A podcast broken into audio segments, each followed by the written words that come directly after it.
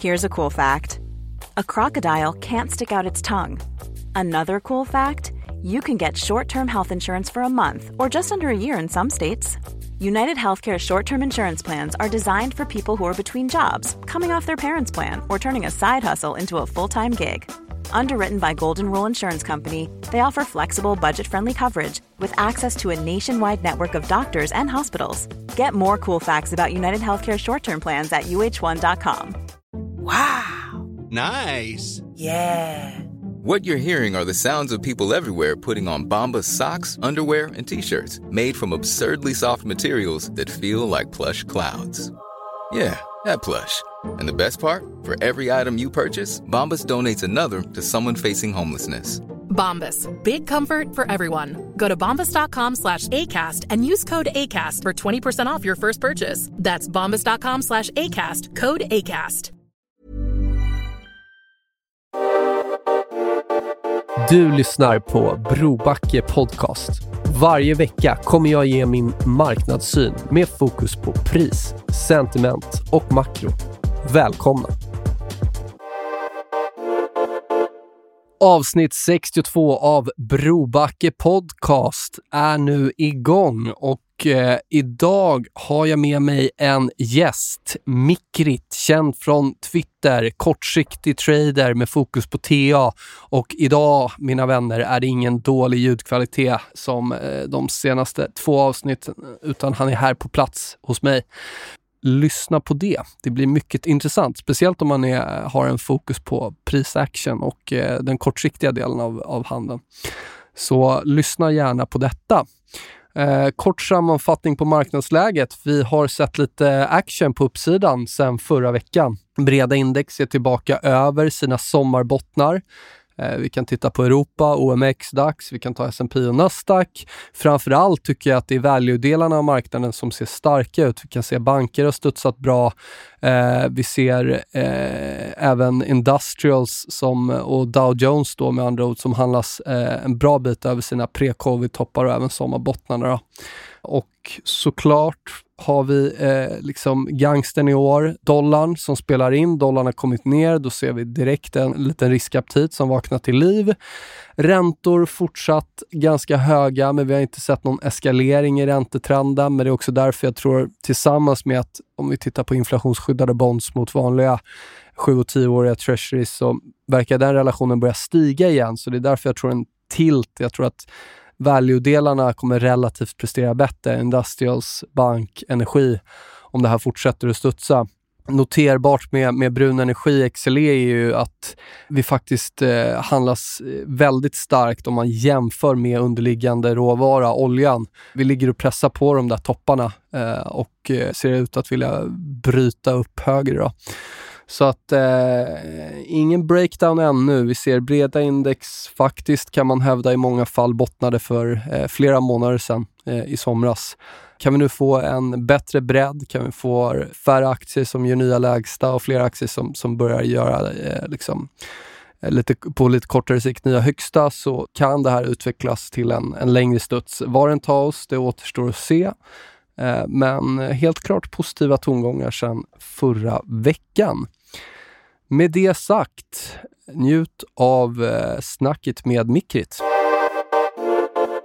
Så där då, då kickar vi igång avsnitt 62 och mitt emot mig har jag, känd från Twitter, teknisk trader, Mikrit. Välkommen! Tack!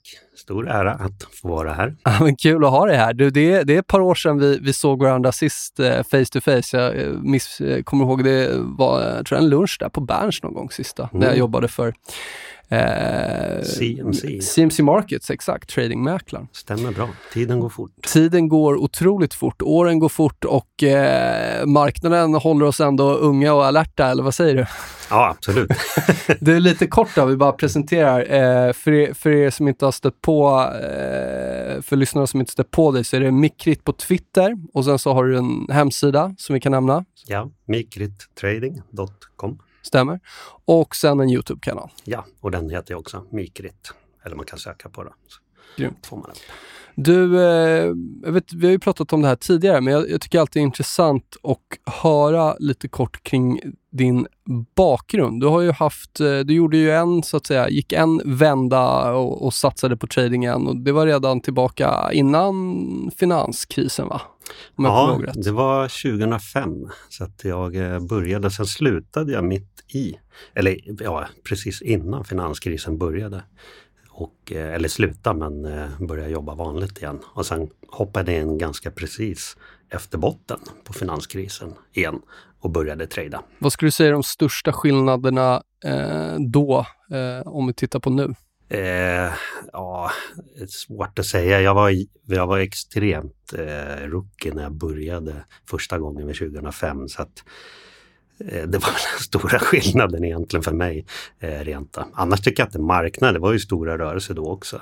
Vi var ju ganska nära toppen då också. Det var jag tradade, handlade mycket så här Boliden och sånt och det var ju enorma rörelser i, i de där råvarubolagen också då, på den tiden. Så att, om vi tittar på mäklare, trading och så vidare. Jag vet att du nämnde att det var, det var väl eh, som nu är på IG, Erik Lidén va, som, som eh, fick in dig där på, eh, var det E-trade eller? Ja, precis. Mm, Han eh, jobbade extra där som, ja, men han pluggade och eh, hjälpte kunder. Och jag ville sätta mig där, jag hade hört det av en kille, då, en före detta stor trader, att där kan du sitta och eh, trada.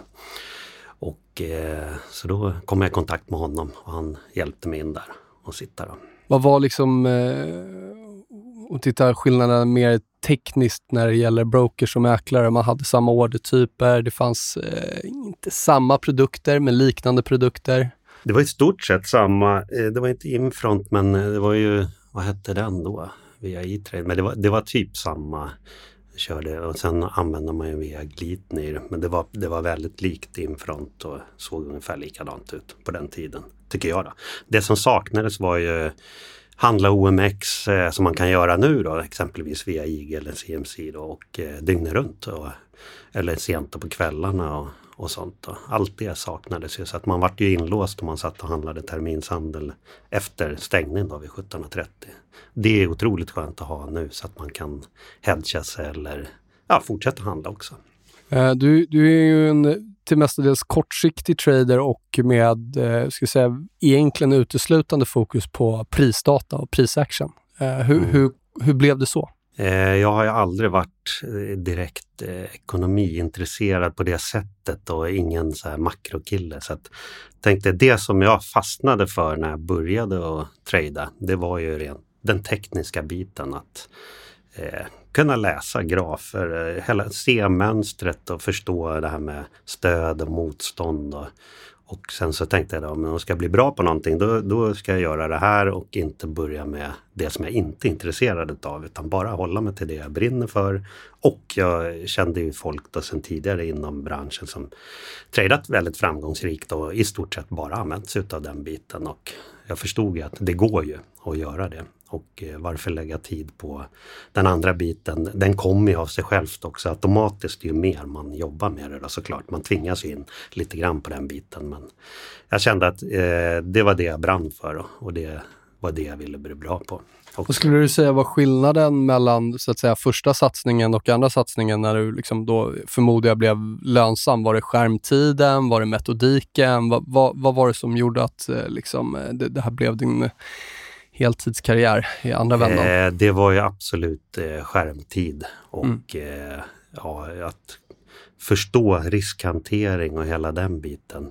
Och för att backa bandet då så eh, jag började ju själv hur jag kom in på trading. Om man ska börja, om vi tar från början då, så var det ju genom en känd eh, trader som eh, ville, han hade pensionerat sig då och ville starta eh, automatiserad handel. Och jag är ju i grunden då, jobbade ju då som systemutvecklare.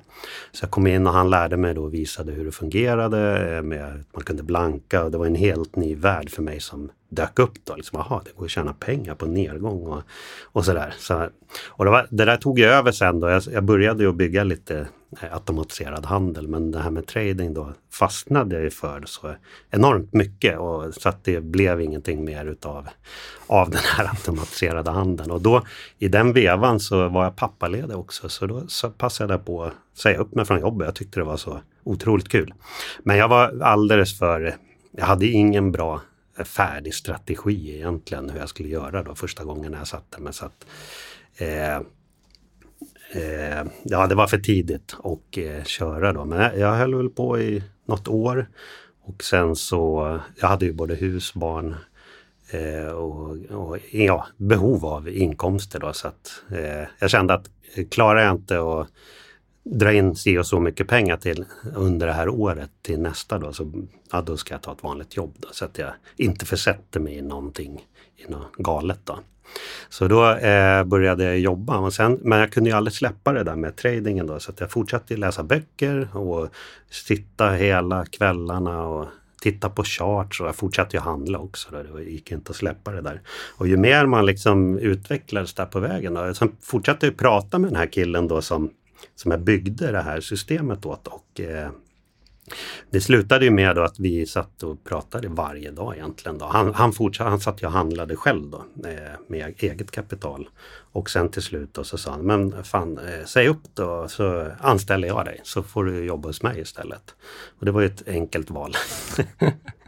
och då eh, kom man ju andra gången och berättade typ för föräldrarna då att jag skulle ha sagt upp mig, jag skulle satsa på trading igen och det var, man var ju galen liksom. Kan låta så. Ja, man, det var ju tokigt. Men men eh, då hade jag ju lön och eh, det var ju betydligt tryggare då, eh, de första åren. Då.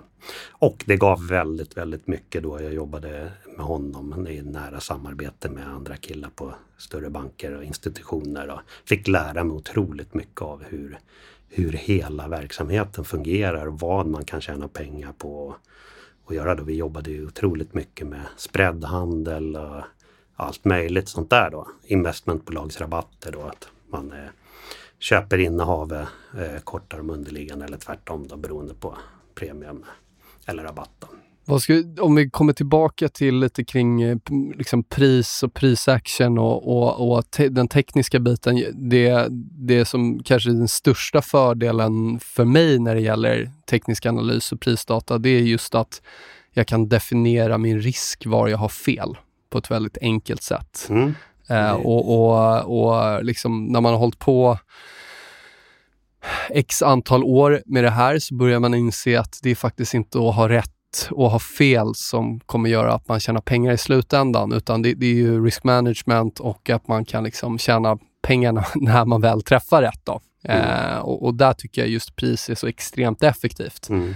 Ja, jag håller med. Det var eh, anledningen egentligen då att jag kom in, eller att jag fortsatte sen egentligen just med tekniska analysen. För vi tjänade bra med pengar på andra strategier också. Men det var ju just, just det här att man, eh, man, när jag började själv sen då när jag slutade efter att jag jobbade med den här killen då, så, och satte mig helt själv och började trada, då blev man också väldigt medveten om att det här, man åkte ju på några smällar de här vill jag inte göra om. Nej. Och hur ska jag klara att undvika de här? Ja. ja, jo genom den tekniska analysen är ju världens bästa hjälpmedel i det fallet. För jag vet oftast när jag väl har lärt mig metoderna hur man ska tänka då att jag vet ju vart jag har fel och jag vet vart jag då kan köpa med minsta eh, risk. Då där det är då. Och inte ryckas med, eh, som många då i början då fick man ju lära sig att man ska följa en trend och när vi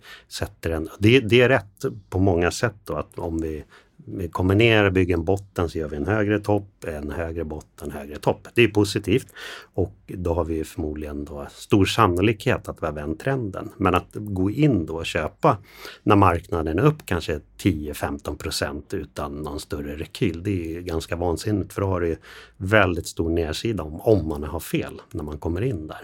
Och då har man ju den tekniska analysen då att man istället då kan avvakta, lära sig ta ut då vart finns det stora stöd, eh, områden. vart ska jag hålla mig från och gå lång och vart är det bra edge och gå kort och framförallt då, eller vad säger jag, och gå lång på rekyl och framförallt om jag har fel där, då har jag så nära till min stopploss. Så att det kostar inte så mycket. Och har jag rätt, då får jag också dessutom direkt snabbt kanske minst två, men många gånger då två till fem eller två till sex gånger min stopp. Och stoppad blir man ju väldigt ofta, men i längden då så innebär det också då att man kan köra 50-50 egentligen plus eh, på trades med vinst och eh, förluster men ändå bli väldigt lönsam över tid. Så du har en enorm edge där att förstå risken. Precis som eh, marknaden liksom i övrigt så finns det ju så många sätt att tjäna pengar även med att, när man applicerar teknisk analys. Eh, dels så har du ju olika tidshorisonter. Du kan ju vara kortsiktig som du är, eller du kan titta på, på långa trender också. Eh, man kan gå med trenden, man kan gå emot trenden, liksom mean reversion och så vidare. Har du några sådär interna regler för dig som du alltid följer, aldrig gå emot rådande intradagstrend eller är det, är det några sådana viktiga bitar som, som, som är liksom grundpelare i, i din strategi? Eller? Så grunden i mitt tänk som jag försöker lära ut är ju att eh, följ trenden, ah, men det vill säga men att man köper in i en då uppåtgående marknad, köper rekyler för att om man, när, man, när man gör det då så har man mycket bättre edge för en längre sving. Det är mycket, jag pratar här och det är mycket så jag lär ut i mina kanaler och när jag går igenom då på Youtube och så, så är det swingtrading då. Lite större rörelser då. Men det blir, ibland blir det affärer intradag också, eller ganska många då. Men eh, att man följer då trenden, köper på rekyl, då kan man hålla mycket längre. Där är min regel då, att du har mycket bättre potential då att eh, sikta för rörelse upp till nästa större motstånd. Då. Men jag, jag, tycker absolut inte det är fel att gå emot och köpa eh, stöd i, i en nedtrend. Men då handlar det om att man bara är ute efter för att plocka en studs mot närmsta motstånd. För att ofta får man inte så mycket mer. För marknaden orkar inte. Köpa stöd i en fallande marknad då, så du har ju väldigt då, du har ju edgen emot det. Men jag tycker det är en bra strategi, det är lönsamt så länge du då förstår att jag ska inte köpa och hålla för den stora rörelsen upp. Men det kan man göra i en uppåtgående marknad på rekyler. Då, då har du ju mycket bättre edge då hela tiden att få, få med dig de stora rörelserna. Hur, så där är den stora skillnaden. Just det.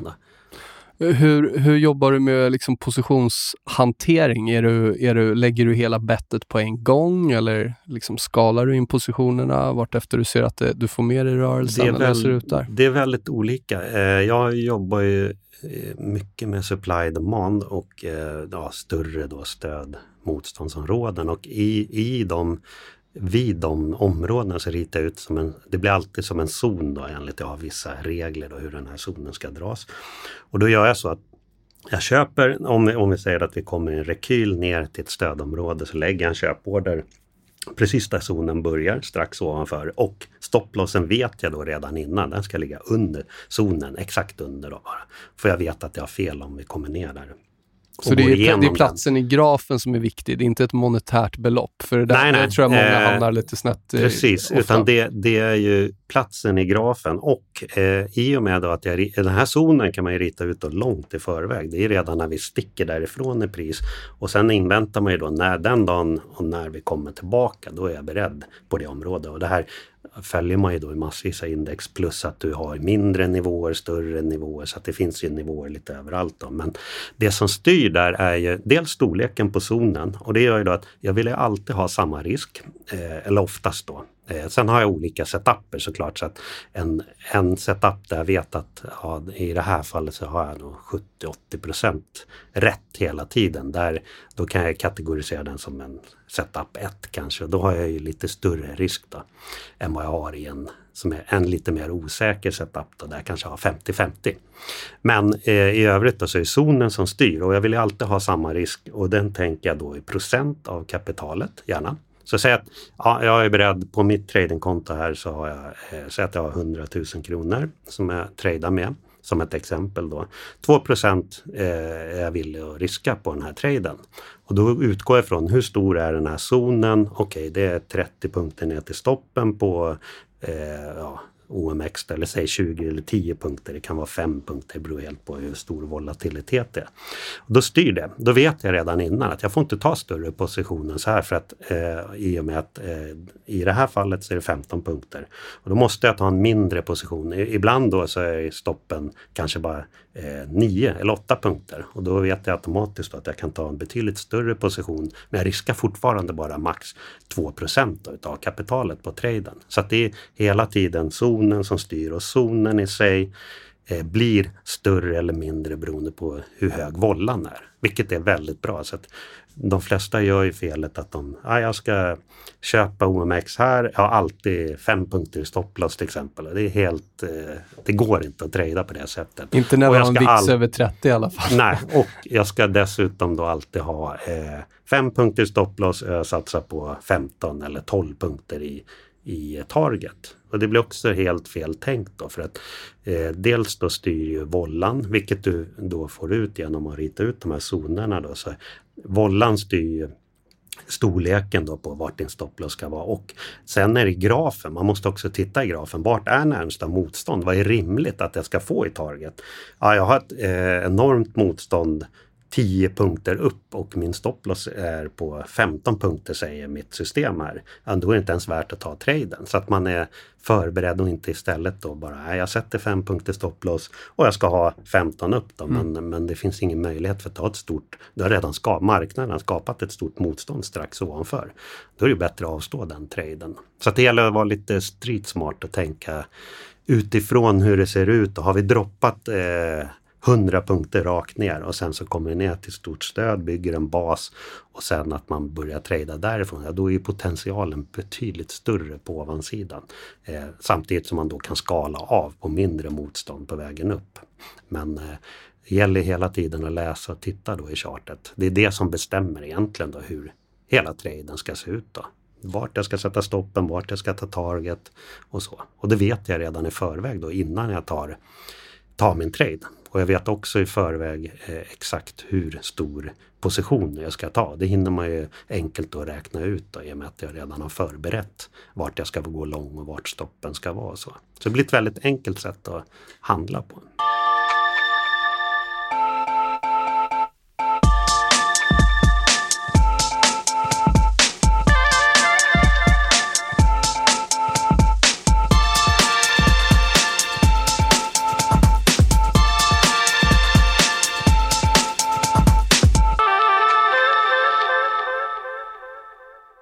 Hur, hur, hanterar du den psykologiska aspekten? För man kan ju ha uppsatta regler, men sen gäller det att följa det. Och min erfarenhet av dels att jobbat för en retailmäklare tidigare, eh, men även skillnaden på att förvalta egna pengar kontra att göra som jag gör nu, förvalta andras pengar, externa pengar. Då har man ju en risk management-funktion. Man har liksom folk som kontrollerar en, vilken risk man tar och så vidare. Och som egen trader så har man ju ingen som kontrollerar en. Och, och det där tror jag är Ehm, det tror jag är, är liksom något som, som kan vara väldigt svårt, eller jag vet att det är väldigt svårt. Jag har sett många exempel på det. Hur hanterar du den psykologiska biten att, att följa liksom, dina regler och inte tumma på de här riskreglerna? Liksom, finns det någon hard stop loss? Har du några interna gränser för när du har liksom haft gått emot dig för många gånger på en dag? Eller hur, hur tänker du där? Eh. Det är ju en väldigt det är en svår bit. Det tar tid att lära sig den biten. Psykologi är ju nästan, jag skulle säga 50 procent oavsett om du har, det låter ju så enkelt, men jag har ett perfekt system då. Även om någon skulle ge mig ett superbra system när jag börjar trada så det innebär det ju inte varit att, några cash ändå. Liksom. Nej, det innebär ju inte att du blir lönsam för det. För nej. att du har ju det här psyket, du ska hålla traden till eh, till målet, du ska stoppa det där, du ska stoppa det och, och hela den där biten är, den är ju jättesvår. Men eh, det är ju regler och disciplin är det enda som ja, man måste sätta upp dem för ja. sig för att annars förr eller senare så kommer du åka på en smäll som äter upp kanske 50% av kapitalet och då det är väldigt jobbigt att ta tillbaka det. Då ska du ta in 100% av ditt kapital bara för att komma till break-even. Och det, ja, det är väldigt, väldigt psykologiskt jobbigt. Då. Så att, eh, det enda jag kan tipsa om där det är att förstå risken, ha ett, eh, ta fram en metod och följa den och vara benhård på att jag, jag riskar max 2 eh, på den här traden eller 1 eller 3 vad det nu är. Men jag går inte över det och eh, man får bita ihop och ta förlusten helt enkelt. Och sen bokföra då alla trades framför allt och skriva ner dem så att man kan föra lite statistik och gå tillbaka och titta på vad är det jag har gjort här och vad är det som inte fungerar och så. Jag tror många de fokuserar ju alldeles för mycket. Det är lite eh, både charmen och faran med, med trading att vem som helst kan ju bara öppna ett konto och eh, kommer man in på rätt eh, tillfälle, eh, köper någonting i en uppåtgående marknad så tjänar man ju pengar. Och sen tror man att man är väldigt duktig. Det blir ju lätt så. Eh, och det är otroligt viktigt att vara ödmjuk och förstå att eh, framförallt förstå risk, risken. Då. Och, eh, så jag, fort man slutar vara ödmjuk så det är ofta då, då, ja, då, då får man går en smäll sen. nästan alltid åt fanders. det där har man ju provat hundra gånger. Eller på säga. Men ibland tror man ju att man är bättre än vad man ja. är och eh, frångår då lite och det får man väldigt snabbt äta upp. Då. Men det, det är ju sånt man lär sig med tiden då. Och, sen, och I början vet jag, jag tyckte det var jättejobbigt i början. Man kunde ju gräma sig för att missa trades eh, för att jag ville komma in jag ville ha min risk när jag tar en trade och jag vill, jag vill komma in i närheten då av, av en nivå där jag vill köpa. I början då så var man ivrig, hoppade in för tidigt eller så ibland då så missar man ju traden då för att den vänder tidigare och så blir det inte som man har tänkt då. Då blev man ju väldigt frustrerad och det var sjukt jobbigt liksom att ah, fan nu är jag inte med här.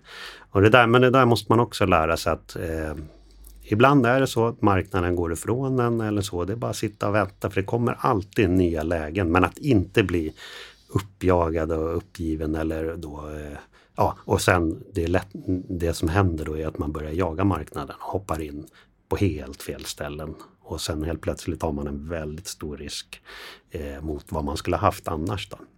Sen nästa tips för att eh, stävja den här iven då, för det är ju svårt, det är ju att diversifiera sin handel. Att inte bara sitta med OMX till exempel. Då, för då, då är det, ibland uppstår ingen, eh, ingen setup då enligt ens regler på kanske en hel dag kan det vara då. Det kan ju vara sjukt frustrerande då att sitta och vänta på de här. Men diversifierar du och innehandlar eh, DAX, eh, OMX, SP500. Dels får du en bättre känsla för hela marknaden. Du får mycket mer kontroll på vart alla stora nivåer är och i och med att USA styr när de öppnar så är det ju är S&P vid ett stort stödområde då är det ju och och vad heter det, i en uppåtgående marknad där den har rekylerat ner. Det kanske inte är det bästa läget då. Man får ju den förståelsen att du kanske inte ska gå kort eh, OMX till exempel i det sammanhanget. Och framförallt då det blir mycket mer affärer och du håller dig mer aktiv hela tiden och håller igång. Då slipper du känna det där att jag är onyttig eller jag bara sitter och inte gör något. Och tålamodet och vänta på de ja, bra setupsen. Men det är ju den viktigaste egenskapen också att eh, vänta tills man har en setup och inte bara hoppa in och okynnestrada. För det slutar ju nästan alltid med att du gör massa onödiga utgifter och sen när väl setupen kommer, ja, då, det, då går den åt till att ta tillbaka de pengarna man har kört ut på alla de här. Man är mentalt trött kanske ja, på tradingen. Ja, då orkar inte det. Och så slutar du plus minus noll för dagen. Men hade du bara låtit bli de andra tradesen och väntat på setupen så hade du haft en bra inkomst den dagen och eh, fått det. Då. Så det är en stor lärdom att ta med sig. Då.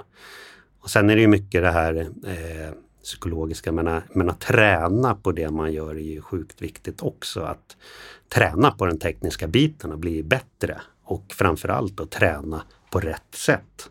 Eh, istället för att eh, göra hundra trades och, och sen så hela tiden bara hoppas på att ja, men imorgon då blir det bättre. Nästa trade, då ska det bli mycket bättre.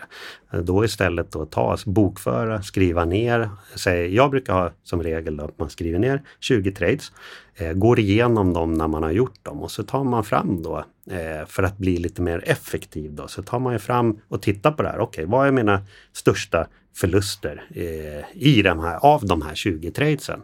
Ja, det är de här tre stycken då som sticker ut. Då. Och så börjar man jobba med dem, identifiera att okej, okay, vad har jag gjort för fel här? De här tre tradesen, det är det jag ska fokusera på i nästa serie av 20 trades och undvika. För på så sätt så blir du hela tiden en bättre och bättre trader då för att du undviker de här stora förlusterna och till slut så kommer du se att du blir lönsam bara genom att hela tiden jobba på att eliminera de här dumma tradesen och ta bort dem. Och det kan du endast göra och då bli effektiv genom att eh, skriva ner och vara lite disciplinerad och följa upp din handel. Och det tar inte speciellt mycket tid att göra det heller. Då det, är ett bra tips tycker jag. Eh, för att jättebra tips. komma igång. Hey, I'm Ryan Reynolds. At Mint Mobile, we like to do the opposite of what Big Wireless does. They charge you a lot, we charge you a little. So naturally, when they announced they'd be raising their prices due to inflation, we decided to deflate our prices due to not hating you. That's right. We're cutting the price of Mint Unlimited from $30 a month to just $15 a month. Give it a try at mintmobile.com slash switch. $45 upfront for three months plus taxes and fees. Promo rate for new customers for limited time. Unlimited more than 40 gigabytes per month. Slows. Full terms at mintmobile.com. Hiring for your small business? If you're not looking for professionals on LinkedIn, you're looking in the wrong place. That's like looking for your car keys in a fish tank. LinkedIn helps you hire professionals you can't find anywhere else, even those who aren't actively searching for a new job but might be open to the perfect role. In a given month, over 70% of LinkedIn users don't even visit other leading job sites. So start looking in the right place. With LinkedIn, you can hire professionals like a professional. Post your free job on linkedin.com slash people today. Slumpen är ju rätt elak. Vi kan ju ha liksom en, en, en sannolikhet på, på en, en setup och göra rätt som har bättre hitrate än 50-50. Vi kan ha ganska eh, mycket över 50-50 och ändå ha en, en lång streak av förlorande positioner. Då. Absolut. Ehm, och det, Det- där, där tror jag många... Och det kan ju vara extremt frustrerande och framförallt då om du har en, en risk management som tillåter en, en ganska stor förlust. För det, det, det kan vara Tyvärr är ju inte trading linjärt utan de, de kommer ju liksom inte eh, sådär utan det, det, du kan ha ett gäng vinstaffärer och sen så kan det komma ett gäng förlustaffärer. Det är, Eh, där, det är där det kommer in också den här psyko, psykologiska biten, att det är så viktigt att, att du har gått tillbaka, eh, backtestat och tittat så att du tror på det du gör. Att Just du ser att över tid, över, eh, jag har gjort en test tillbaka på kanske 50 trades och setuper, att du ser att du är lönsam över tid. För annars, det är som du säger där, sitter du där och Speciellt om du följer någon annan kanske på Twitter eller något och tar eh, trades enligt dem då. Tredje förlusten på rad, så eh, då kommer du, du kommer inte att ta den fjärde eh, traden och det är likadant om du inte har gjort ditt jobb och gått tillbaka sett att du, du ska verkligen tro på det här och klarar av att tänka i sannolikheter. Det är också väldigt svårt som trader. Att det är lite så här när man tar en förlust då gör man ju fel. Det är, det är, man har gjort någonting dåligt. Det är så vi är inbyggda att lära oss. Liksom.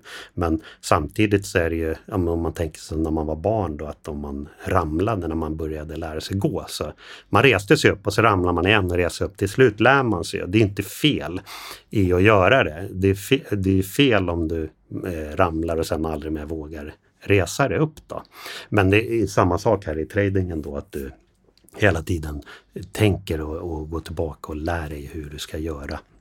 för att jag- inte ta ja. Ja, men jag tror att det är en jätteviktig poäng du nämner. Vi, om vi tar, tittar på den institutionella världen så finns det ju några av världens största fonder, framförallt om vi kollar på liksom, eh, kanske CTA-sidan och trendföljande. De har ju en hitrate som är en bra bit under 50-50 och hela Mm. deras edge ligger ju i att faktiskt när de träffar rätt, att de rider de trenderna och de ökar Mm. positionen och så vidare. Mm. Sen är det mentalt jobbigt att sitta som diskretionär handlare och ha en hitrate som är 3 av 10, för det kommer vara väldigt många förluster i rad. Men, men, men jag tycker det är, är jättebra att du gör den poängen.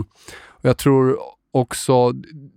Att tänka sannolikheter, det är det viktigaste man kan göra jag, som trader. För det, det är det man eh, lever Absolut. med. Liksom. Vi har en, det är en oviss värld, men vi vet att eller vet, men om jag har ett bra testat system så är det- jag är oftast jag är lönsam på en serie av kanske 10 eller 20 trades. Mm. Men de närmaste tre tradesen, de kan ju bli vad som helst. Jag har ingen aning hur bra setup det än är så kan det ju bli tre förluster på rad. Absolut. Definitivt. Liksom. Och då är det ju där du måste stålsätta och våga ta den fjärde traden. För det är den som kommer att ge, eller femte då, som kommer att ge, fjärde och femte kanske då, som kommer ge att du är på plus igen.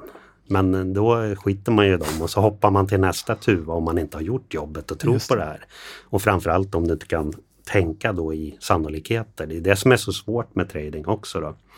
Men då hoppar du vidare, för det är, det är det felet som de flesta gör. Jag har ju själv gjort det då, liksom att man, då försöker man hitta en annan strategi. Och så börjar man med den.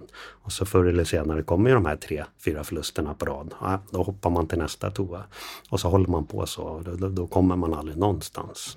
Tror du att liksom i tiden du, du började, eller första delen av tradingkarriären, tror du att det formade dig i form av, för att eh, titta förra året så var det ju många som, som och kanske efter covid-kraschen, många som har tjänat pengar på att vara all in, lång i, i många papper och det har gått, gått väldigt bra. Och sen har det där helt förändrats. Om vi tittar på global risk kanske pikade i februari förra året, men om vi tittar i år så har ju verkligen det här att vara, vara long only och bara köpa dippen, det har ju varit en, en katastrofal eh, strategi i år. Eh, liksom. eh, Mm. och, och sitta på saker och inte ta vinst och inte vara aktiv och inte jobba med sannolikheter och eh, liksom kunna sälja när man har fel och så vidare. Tror du, vad, har, har du några tankar där kring varför hamnar man i den här mer liksom, eh, trading, eh, tradingdelen med, med handla på sannolikheter och så vidare eller det här liksom long only-tänket som, som kanske har premierats eh, Personligen tidigare? så tror jag jag hade lite tur där för jag hade ju en mentor som eh, var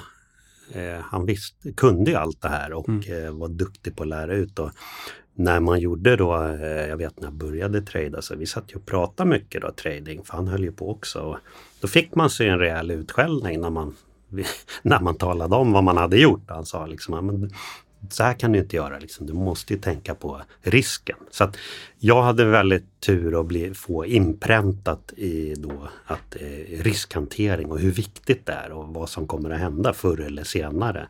Och där tycker jag också det är väldigt viktigt, var inte rädd för att ta hjälp utav någon eh, inom de områdena så att du, och försöka lära dig, kontakta någon som är bra så att du förstår risk och så när du börjar. Eh, för det, det är verkligen A och O. Eh, och eh, ju snabbare du kan inse det, ju bättre kommer det gå sen. Sen är man nackdelen där är också, eller nackdelen, men eh, jag är inte den som då köper en aktie och sen sitter jag. Det, det som inte sker oftast då, det är att jag sitter och åker med 1000 procent upp i ett papper. Det, det är avigsidan. Det är av- avigsidan med risk. Alternativt, ja. man kan ju göra det men förr eller senare i och med att man då hela tiden lyfter upp sin stopploss och så, så kommer man ju bli utstoppad. Men det kommer ju nya eh, setuper hela tiden så att man kan ju använda dem då i längden. Kanske det blir lika bra ändå och framförallt om man ser till som nu då som du pratade om här en, när vi har haft då, en riktig bear market här i ett års tid i princip eller i alla fall 8-9 månader. Då, så du slipper ju vara med och åka ner och bara se allt ra- Visst. raseras. Och framförallt det mentala som man märker. Jag, du, du kanske märker säkert det också som är på Twitter, men man märker ju frustrationen där ute eh, och, och liksom hur, hur en sån här nedgång som ändå inte har varit, okej i vissa namn har den varit väldigt stor om vi tittar tech och growth och så vidare. Men det finns ändå andra delar av marknaden som, det, är- det är ingen extrem nedgång med tanke på vilken uppgång vi har haft sedan covid-botten. Men det är en enorm frustration, enorm frustration där ute. Ja, tittar man på index så är det ju, vi inte ens, ja, vi är halvvägs ner bara från 2020, Mm. coronakraschen. Mm. Så att det har ju varit en enorm bubbla här de sista två åren också innan. Då, så att, men men eh, som du säger, där, det är många individuella papper där det har varit en rejäl Slakt. krasch och Mm. där det verkligen kan ställa till illa där vi pratar 70-80 procent Ja. ner. Även många stora amerikanska bolag som Netflix och de här är- har ju också varit ner kanske 70 procent. Jag tror 50 Och det- av aktierna på Nasdaq var mer, ner mer än 50 och, och, Så där kan man ju verkligen prata om en det är en riktigt stor krasch. Verkligen. Egentligen. Och det kan ställa till mycket. Men jag tycker det är det som lockar mig fördelen då med trading. Eh, just att jag behöver aldrig, aldrig någonsin hamna i de där situationerna. Nej. Att jag blir sittande med minus 70% i olika papper och så. Utan på det sätt som jag handlar då, så det spelar ingen roll heller då. Det är också fördelarna. Det spelar ingen roll om det vi faller nu i tre år till. Eh, jag kommer inte hamna i de här situationerna och det är det jag har försökt att sträva efter att komma ifrån Ja. den där rädslan. För jag Ja. ska ju, det är trots allt så, jag, det här är det enda jag gör, det är det här jag lever på och jag kan inte försätta mig i de situationerna för då, då måste jag gå och söka ett jobb. Och det vill jag inte göra för jag tycker det här är så otroligt givande och kul att hålla på med. Och då, då är ju riskhanteringen, den är så otroligt viktig och just trading sättet då som jag handlar på, det gör ju att jag Eh, förhoppningsvis då. Men så länge jag följer mina regler så kommer jag aldrig någonsin kunna hamna i, i de där situationerna. Då. Motargumentet, eller motargumentet, men det man säger faran där man kan nämna då, det är att det finns ju exempel på när marknaden gappar rejält, när stopplossar inte triggas och då om man kanske är rätt girad eller har hävstång i positionen så kan det ju bli rätt tufft för liksom, en kortsiktig trader också. Är det något du upplevt eller har du byggt en metodik så att du, du ja, inte ska, liksom, även om det sker ett stort gap eller liknande, att det inte ska slå för hårt? Nu vet jag, det finns ju vissa mäklare som erbjuder lite så garanterade stoppar och sånt, men, men eh, det, det, är ju inte riktigt riktiga värden heller. Det, saker och ting kan ju slippa rejält. Vi har sett det, liksom, ja, det, det stora marknadsevent. Handlar liksom. man, om, jag är ju inne och handlar en hel del aktier, så att där, där man har ju den risken även natt. Det går ju aldrig att komma ifrån. Då. Men man får ju ta man får inte gå all in då i ett papper. så det är positionshantering? In, ja, positionshanteringen är ju viktig. Och hellre eh, istället för att göra det här superklippet med risk att man blir av med 50 av portföljen. Då, så hellre se, se det långsiktigt och se det som att varje dag ska man ju dra in sin lön ja. och gärna då eh, mer. Men de bra dagarna då blir det ju oftast mycket mer också. Då, så, att, men, så att man får bort dem där. Men, men det går aldrig, vi, håller, vi lever i en värld där du kan aldrig kapa all risk. Så är. Så är det. Men det jag gör, risk. Det jag gör är att om, om vi kommer ner och jag tycker det ser ut som en bra nivå eh, vid nära stängning, till exempel en fredagkväll, ja, men då kanske jag avstår traden eller tar en mycket mindre position än tänkt. För det går alltid att komma, in igen på måndagen. Ifall det värsta händer så är det väldigt onödigt att sitta inlåst med fullsmockad med terminer i OMX då och sen har du hela helgen och hela fredagskvällen. Och, och eh, mycket kan hända. Ja. Och tänka lite smart då. Men jag, det går alltid att komma in på måndagen och Just. jag kanske inte får det här perfekta entret men det kommer ju nya setuper senare under dagen eller på tisdagen. Och komma in då med mindre risk för att då kan jag skydda mig hela tiden så länge marknaden är öppen. Då. Om vi pratar lite, ska, vi har varit igång ett tag, vi ska börja runda av snart, men jag tänker ändå prata lite nuvarande marknadsläge. Vi har ju en VIX över 30, vilket eh, implicerar i alla fall swings runt 2 intradag eh, i, i, breda index. Mm. Eh, S&P väldigt volatil, eh, valutorna väldigt volatila, räntorna eh, också. Eh, min tekniska bild just nu är väl att mycket hänger på dollarn. Kan vi få en sjunkande dollar så bör det gynna de mesta liksom, risktillgångarna. Index har lyckats kravla sig tillbaka över de här sommarbottnarna som var ändå liksom viktiga stödnivåer.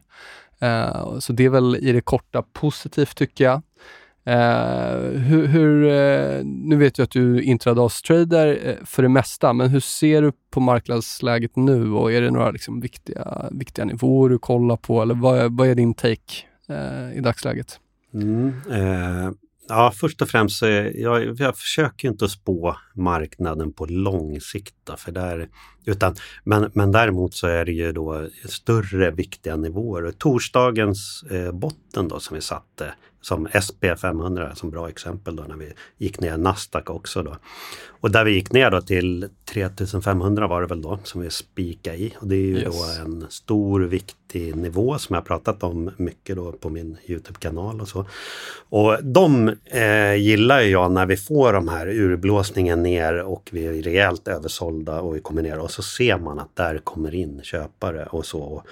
Det, det tror jag, det tycker jag är ett tydligt tecken på att eh, vi nu, dels, vi går ju också in i en mycket bättre säsong nu.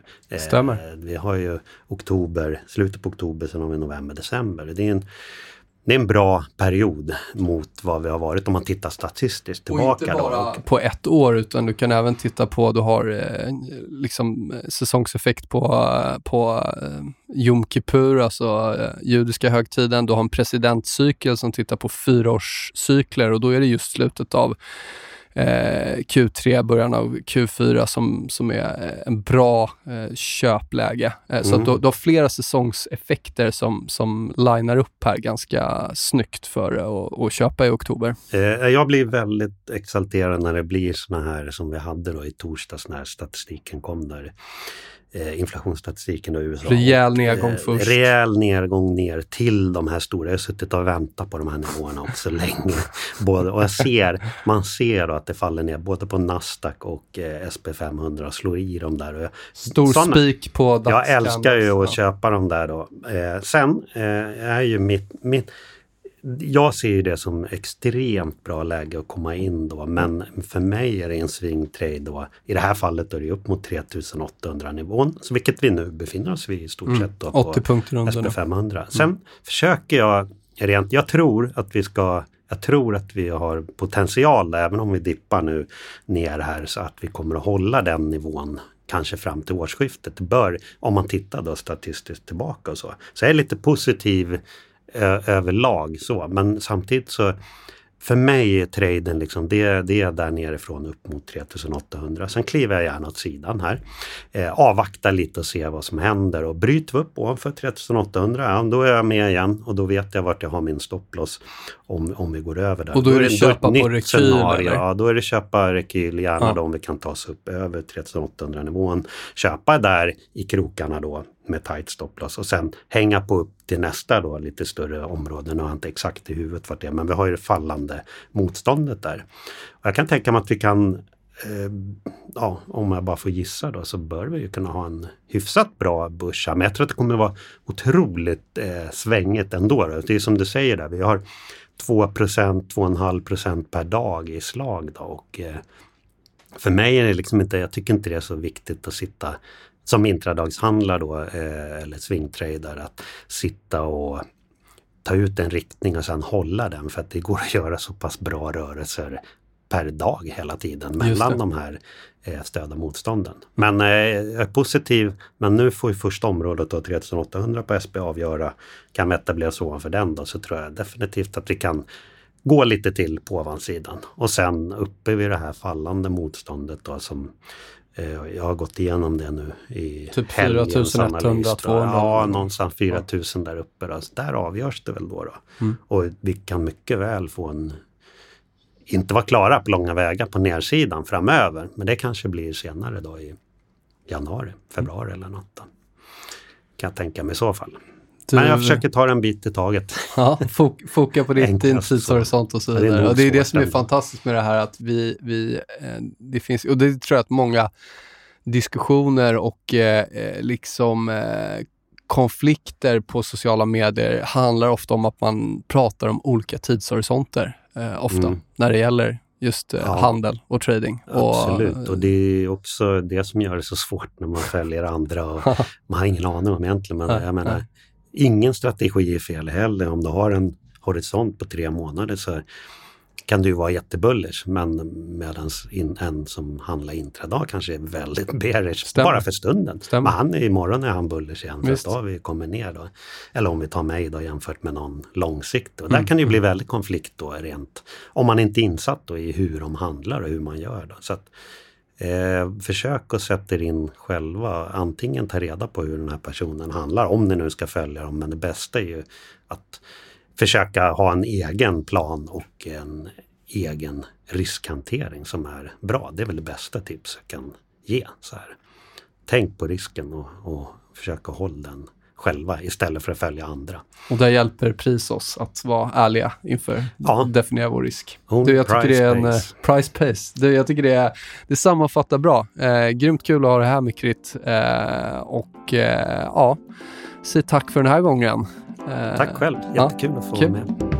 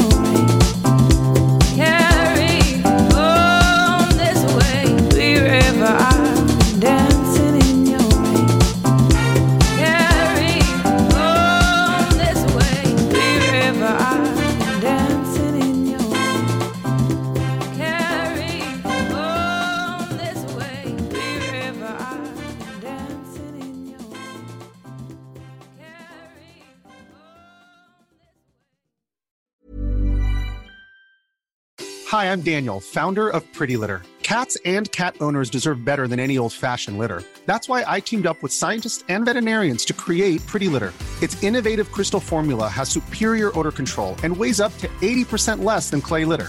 Pretty Litter even monitors health by changing colors to help detect early signs of potential illness. It's the world's smartest kitty litter. Go to prettylitter.com and use code ACAST for 20% off your first order and a free cat toy. Terms and conditions apply. See site for details. Even when we're on a budget, we still deserve nice things. Quince is a place to scoop up stunning high end goods for 50 to 80% less than similar brands. They have buttery soft cashmere sweaters starting at $50, luxurious Italian leather bags, and so much more. Plus, Quince only works with factories that use safe, ethical, and responsible manufacturing. Get the high-end goods you'll love without the high price tag with Quince.